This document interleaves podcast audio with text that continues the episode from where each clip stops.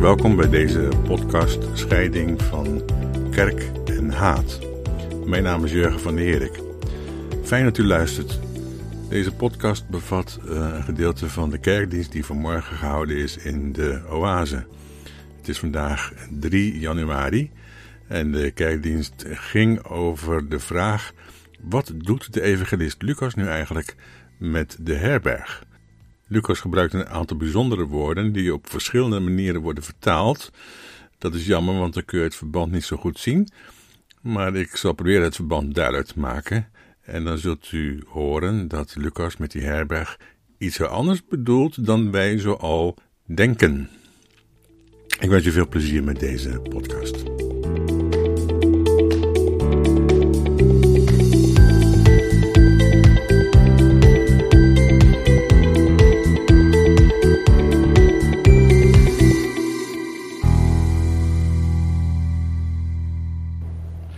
Ik lees een aantal gedeelten uit de Bijbel. Ze lijken willekeurig, maar dat zijn ze niet.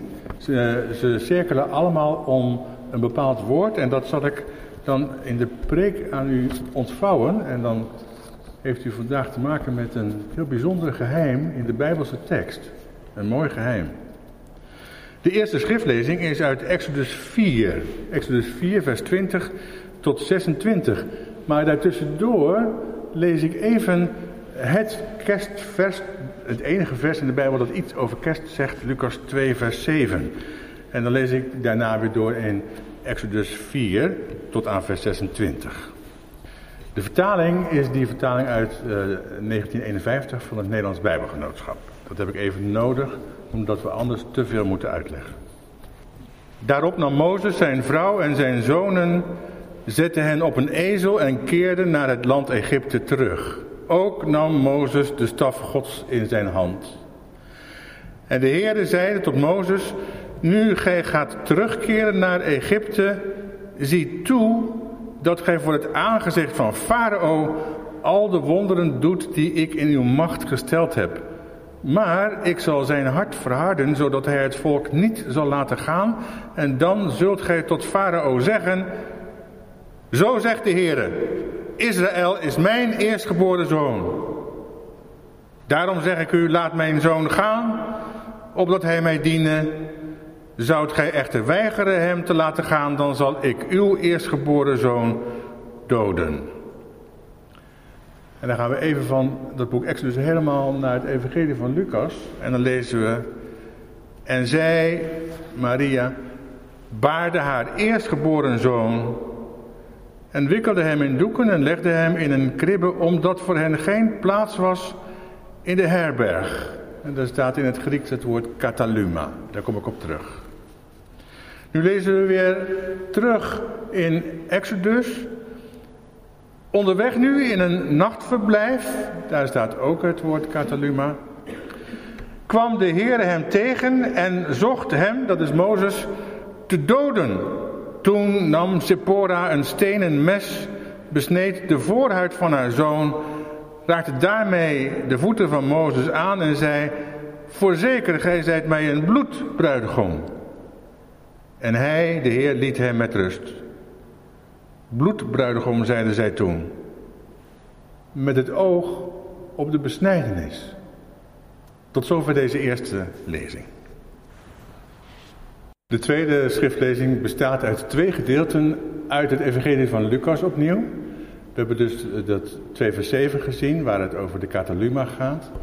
En nu lezen we een gedeelte uit het midden van het evangelie en een wat groter gedeelte uit het einde ervan. Dat midden van het evangelie, dat is het verhaal van de barmhartige Samaritaan. Dat gaan we niet helemaal lezen, dat is veel te lang. Maar een belangrijk zinnetje daaruit luidt als volgt. Dat is Lucas 10, vers 34. En hij, dat is de Samaritaan, maar daar bedoelt Jezus zichzelf mee, ging naar hem toe, verbond zijn wonden, goot er olie en wijn op en hij zette hem op zijn eigen rijdier en bracht hem naar een herberg, een pandokeion staat daar, een herberg en verzorgde hem. Dan nu de derde plaats in Lucas waar iets van een herberg aan de orde wordt gesteld. En dan zou je moeten tellen hoe vaak ik nu het woord pascha moet voorlezen, omdat het zo in de tekst staat. De dag der ongezuurde broden kwam waarop het pascha moest geslacht worden. En hij zond Petrus en Johannes uit, zeggende, gaat heen, maakt het pascha voor ons gereed, opdat wij het kunnen eten. En zij zeiden tot hem, waar wilt gij dat wij het gereed maken? En hij zeide tot hen, zie, wanneer gij de stad inkomt, zal u een man tegenkomen die een kruik water draagt. Volg hem in het huis dat hij binnengaat en zeg dan tot de heer van dat huis, de meester zegt u, waar is het vertrek, en ook hier staat weer het woord kataluma, waar is het vertrek waar ik met mijn discipelen het paascha kan eten? En hij zal u een grote bovenzaal wijzen, van alles voorzien, maakt het daar gereed. En ze gingen heen en vonden het zoals hij hun gezegd had. En zij maakten het paascha gereed. En toen het uur aangebroken was, ging hij aanliggen en de apostelen met hem. En hij zeide tot hen, ik heb vurig begeerd dit paascha met u te eten, eer ik leid. Tot zover deze tweede schriftlezing. Lieve gemeente, we kunnen het kerststalletje wel weer opbergen. Het is bijna drie koningen. Maar die komen niet in de stal, maar bij Jozef en Maria aan huis. Zo staat het er letterlijk. Kijk maar vanmiddag bij Matthäus. Dat het drie koningen zouden zijn geweest, eh, staat er dan weer niet. Uh, voor hetzelfde geld waren het er vijf, of zeven, of twintig. Drie geschenken hadden ze bij zich, dat wel. Goud en wierook en ook een heel vreemd geschenk, mirre. Mirre hoort namelijk meer bij een dodenwaken dan bij een kraambezoek. Maar dat is allemaal Matthäus. En daar hebben we het vanmorgen niet over. Vanmorgen hebben we te maken met een andere meesterverteller, Lucas. Was een uh, gestudeerd iemand. Uh, de enige Griek tussen de schrijvers van het Nieuwe Testament. Een vriend van Paulus van beroep arts. Eh, de, beheerste perfect zijn talen, dus, dus het potjes Latijn van een arts, maar ook het Grieks van een Griekse wetenschapper. En hij doet bijzondere dingen met wat hij schrijft. Wat doet deze Lucas nu bijvoorbeeld met de herberg? Wat wil hij daarmee?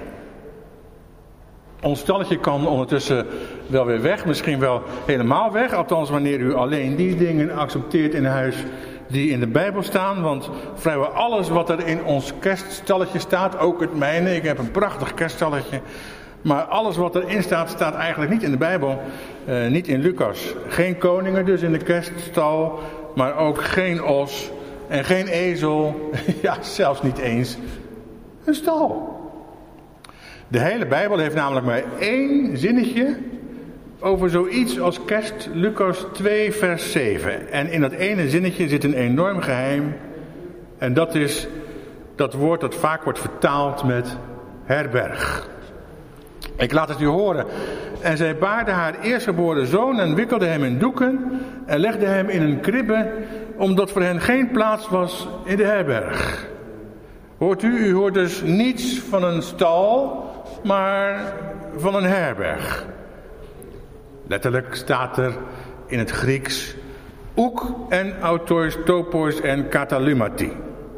Er staat dus niet dat de herberg vol zou zijn geweest, maar dat de herberg niet de plaats was. Lucas vertelt dus niet waar Jezus geboren is, maar uitdrukkelijk waar hij niet geboren werd en ook niet geboren diende te worden. Wat doet Lucas met die herberg? Er zijn drie plaatsen in zijn evangelie die belangrijk zijn vanmorgen, omdat Lucas het in zijn verhaal op drie plaatsen heeft over iets dat vaak wordt vertaald met herberg. Ik zal het u allemaal laten horen. De eerste plaats is dus hier, Lucas 2, vers 7. En hier gebruikt Lucas het woord kataluma. Wat is een kataluma? De wegen die door Europa liggen zijn vaak ontstaan doordat de Romeinen ze hebben aangelegd zogenaamde heerwegen. Wegen waarover de Caesar zijn enorme legers kon laten voorttrekken. Paarden en wagens om overal strijd te kunnen voeren tegen opstandige volkeren. En langs zo'n heerweg, zo'n baan voor het heer, het leger. Uh, je vond ze ook wel langs uh, handelsroutes. Uh, werden dan zogenaamde legerplaatsen of nachtverblijven aangelegd. Goed beveiligd waar paarden konden worden uitgespannen en de soldaten hun harnas even af konden doen. En die lege plaatsen heten Kataluma. Wat letterlijk betekent dat alles even kon worden losgemaakt en afgedaan. Luamai is Grieks voor losmaken. In het Nederlands noemen we zo'n lege plaats een uitspanning. Waar de paarden en de geharnaste soldaten werden uitgespannen om de andere dag weer fris en fruitig uh, verder op te trekken ten strijde. Dat laatste moet je er wel bij bedenken, ten strijde. Zo'n Cataluma, zo'n legerplaats, tekent Lucas dus ook in Bethlehem. En daarvan zegt Lucas dat dat niet bepaald de juiste plaats was voor het kind om geboren te worden. Niet de plaats staat er, meer staat er niet. Heeft Lucas dan in zijn verhaal nergens zo'n gezellig uh, pand uh, waarvan wij zouden zeggen, nou dat, dat is een echte herberg. Herberg dan wel in de zin van een gastvrije ruimte voor het gewone volk waar ze welkom zijn. Want om de verwarring compleet te maken, ons Nederlands woordje herberg komt zelfs ook nog uit het leger. Ja, wat komt er niet uit het leger? Hè? Herberg als de plek waar het heer, het leger, eh, geborgen wordt. Maar even afgezien daarvan, is niet zo interessant. Zo'n ruimte voor gastvrij onthaal heeft Lucas die eigenlijk wel. Jazeker, in hoofdstuk 10, vers 34.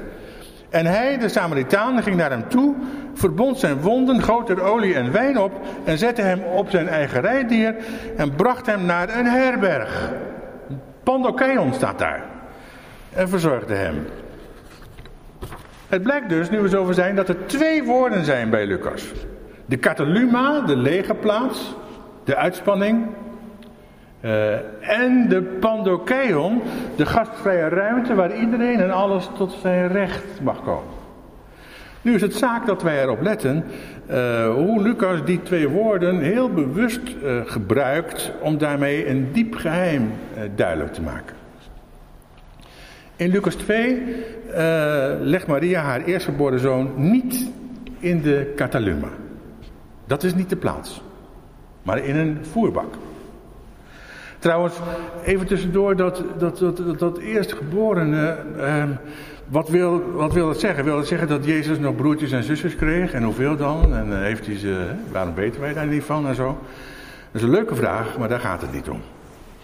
Het woord eerstgeborene is een woord dat iemand die de Bijbel goed kent, dat ben ik niet hoor, maar een Joodse lezer is dat wel, en die hoort onmiddellijk wat Lucas bedoelt met eerstgeborene. Eerstgeborene, prototokos, is namelijk precies die term waarmee God zijn volk aanduidt. Israël is mijn eerstgeborene, zegt God in het Oude Testament.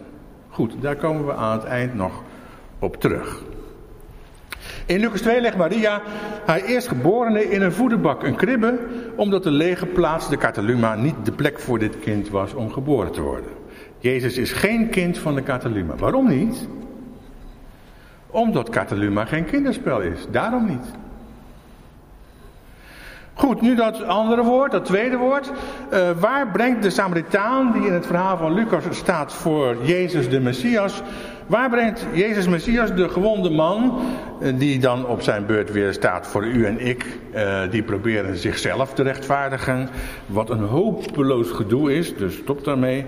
Waar brengt Jezus Messias de gewonde man heen? Naar de Pandokeion, staat er. En een Pandokeion is letterlijk een plek waar iedereen, uh, pan, tot zijn of haar recht, doxa, kan komen. Een pan dokeion. Dat is dus eh, veel meer dat wat wij gewoonlijk onder een herberg verstaan. Een gastvrije plek waar je tot je recht komt en tot rust en geneest en tot heelt en zo.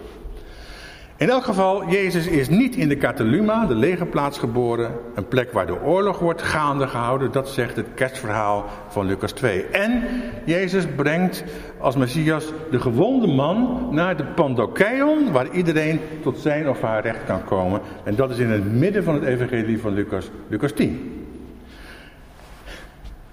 En dan nu, bent u er nog? En dan nu het bijzondere. Nu is er nog een derde plaats En daar komt het nu op aan om het evangelie te kunnen begrijpen. Ik zal het u vertellen. Na Lucas 2 en na Lucas 10 is die derde plek Lucas 22. Maar je moet het wel leren zien, daarom vertel ik het u. Uh, of leren horen eigenlijk.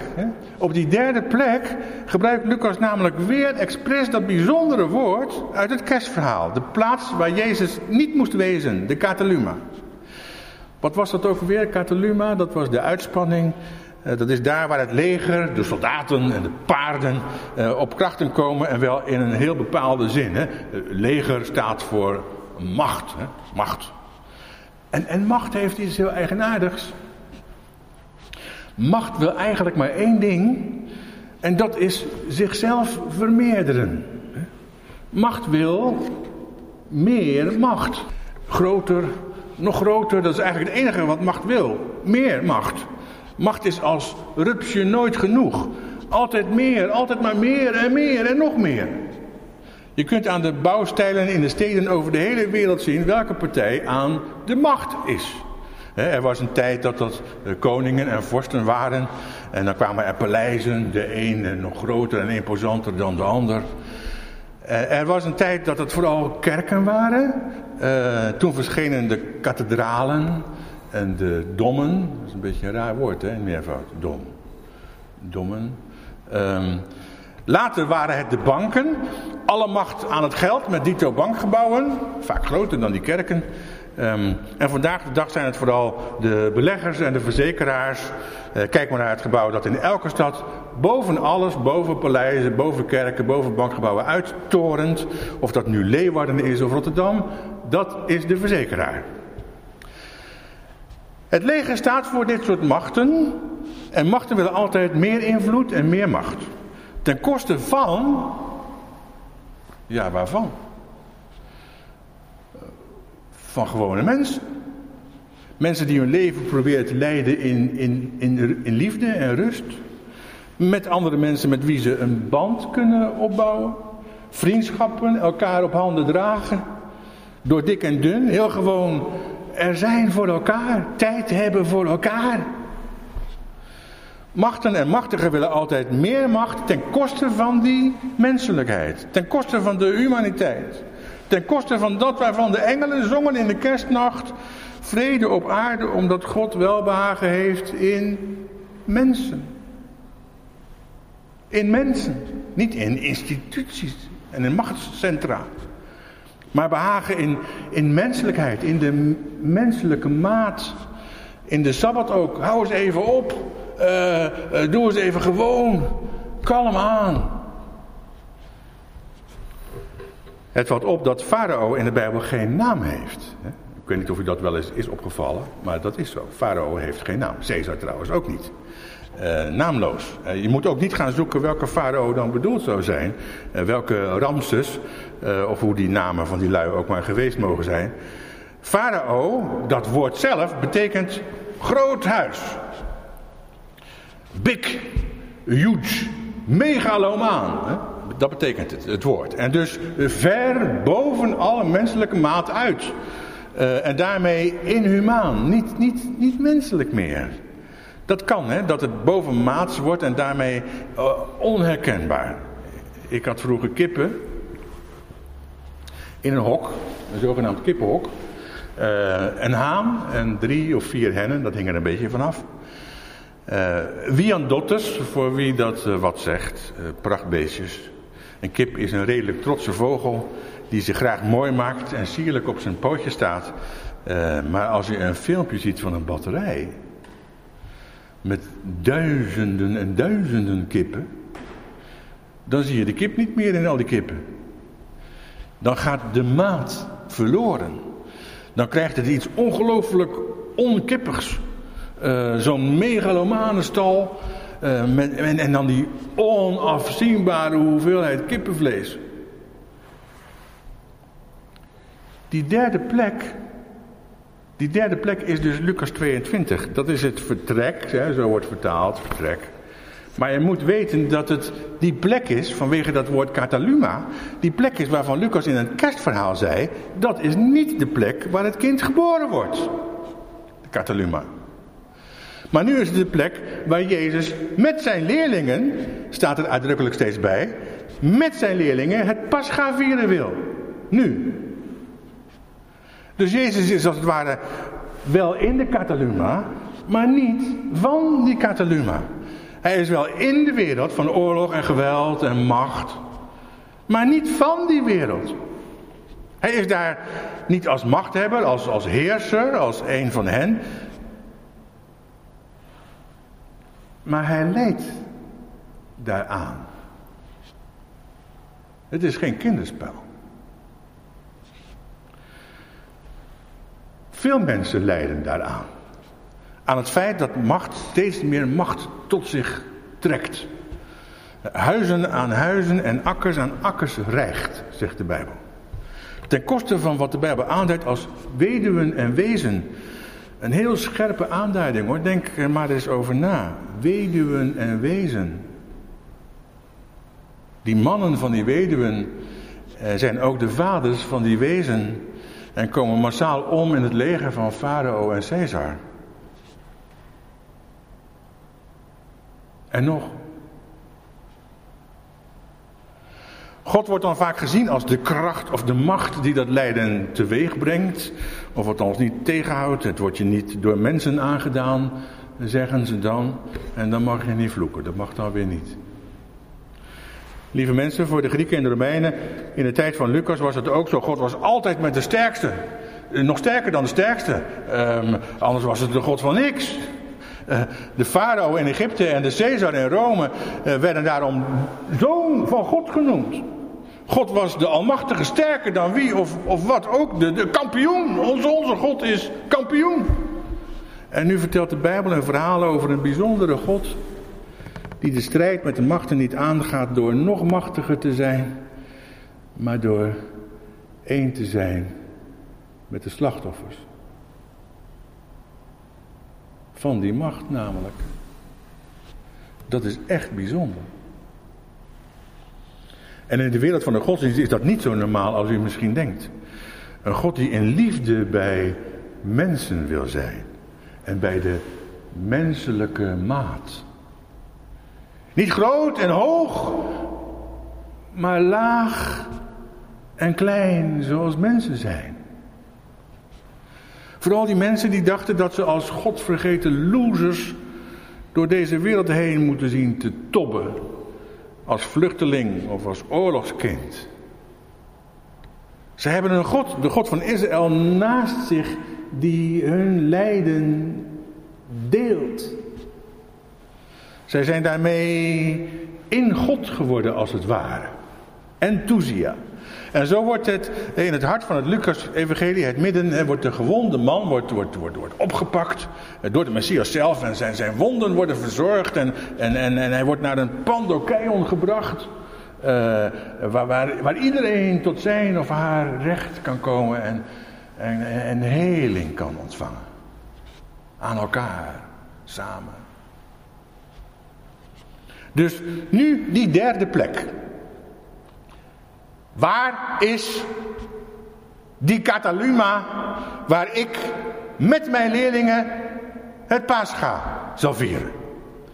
Ik ben er niet geboren, maar ik moet er wel zijn. Want er staat wat op het spel.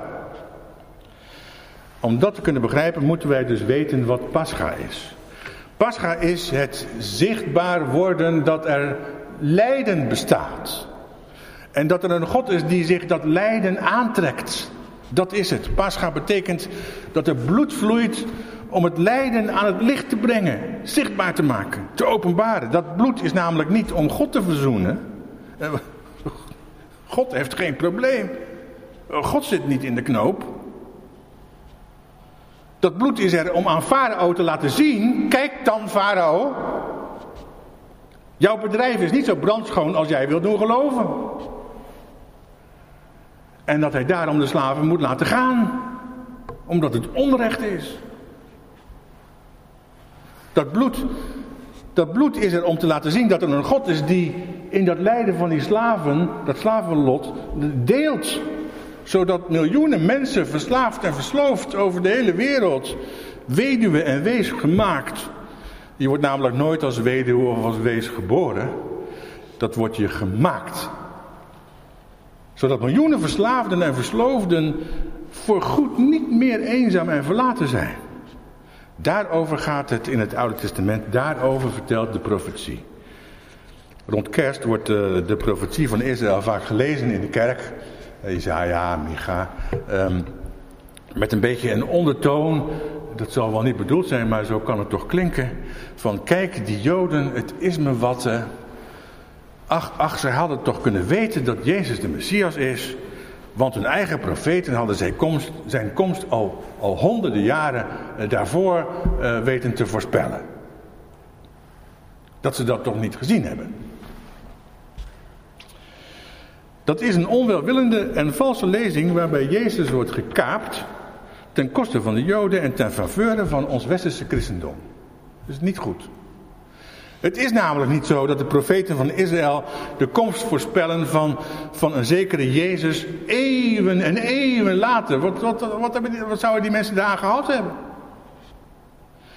Maar omgekeerd proberen de evangelieschrijvers, de lezers, wij dus, erop op te wijzen hoezeer in het leven en sterven van Jezus de profetie van Israël actueel was en is. Voor het volk in ballingschap, voor de Joden in het Romeinse Rijk en nog steeds actueel is. Nog steeds. Ook hier en nu niks oud waar iets nieuws voor in de plaats gekomen zou zijn. Het Oude Testament voorspelt niet de komst van een christelijke Jezus. Jezus neemt ons aan de hand mee in de Joodse wereld eh, van het Oude Testament. De Bijbel is dan ook niet bedoeld om te laten zien dat de mensen te lijden hebben, want dat weten die mensen zelf ook heus wel. Dat ervaren ze namelijk dag in dag uit. De Bijbel is bedoeld om hen te laten weten dat er een bijzondere God is die hen niet dat lijden bezorgt, maar die dat lijden deelt met hen. Dat is Pascha. Niet dat God hoeft te veranderen, verzoend te worden. De wereld van die slaven moet veranderen. Daar gaat de profetie over, het verhaal van Israël. En de profeten hebben het dus niet over Jezus. Nee, omgekeerd. De evangelisten hebben het over Israël. En over die partijdige, bijzondere God die het opneemt voor de slaven tegen Farao. En daarin, in dat opnemen voor de slachtoffers en dat medestanders van hen worden, hun stem zijn, uh, wanneer ze geen woord meer kunnen uitbrengen, uh, wanneer ze moedeloos er het zwijgen toe doen, daarin wil die slavengod niet alleen komen te staan.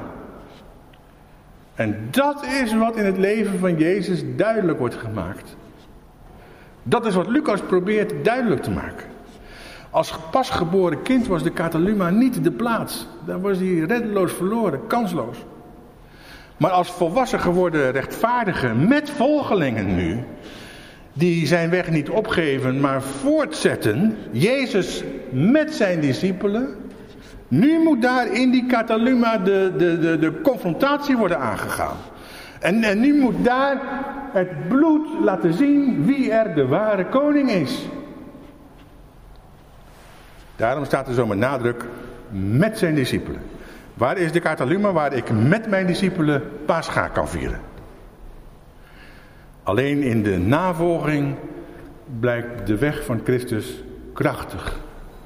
Denk maar aan de titel van het onvolprezen boek van Dietrich Bonhoeffer. Nachfolgen. Dat is de kortste term voor dat wat christelijkheid is. Nachfolgen. Dat was dan ook de kwestie bij Mozes. Ik zou daarop terugkomen, nietwaar? Eh, op die eerstgeboren zoon. Dat woord kataluma bij Lucas is verbonden met datzelfde woord kataluma in Exodus. En in de kataluma, in Exodus wordt het vertaald met nachtverblijf, uh, probeerde God Mozes te doden.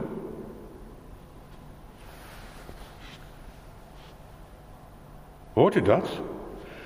Die klank zit in dat woord kataluma. Zowel in het kerstverhaal als in het paasverhaal. In de kataluma probeerde God Mozes te doden. Want hoe zit dat met Mozes? Wat is er aan de hand? Mozes die de slaven moet bevrijden uit Egypte, uit dat land van Farao, groot huis. En die tegen Farao moet zeggen, en daar is het woord dat Lucas overneemt en gebruikt. Mozes moet zeggen, dit zegt God, Israël is mijn eerstgeboren zoon. Laat mijn zoon gaan. Om hen terug te brengen naar de humaniteit, de menselijke maat. Maar het probleem is, denkt Mozes er niet wat al te makkelijk over? Is Mozes te vertrouwen? In de Kataluma worden namelijk geen zoete broodjes gebakken. En Mozes blijkt zijn zoon nog niet besneden te hebben. Daar moet Sephora voor zorgen, een buitenlandse. Zij heeft door hoe het zit, de buitenlandse. Dus neemt hij de weg van de navolging wel serieus. Want als dat niet zo zou zijn, als hij het niet heel serieus neemt, dan ziet deze bijzondere God die zich kwetsbaar opstelt als God, er liever helemaal vanaf. Navolging is een serieuze zaak en geen vrijblijvend tijdverdrijf. In de Cataluma laat het bloed zien dat er lijden bestaat. Lijden dat niet door God wordt teweeggebracht, maar waartegen hij zich verzet. Maar dat alleen wil als zijn verzet navolging krijgt.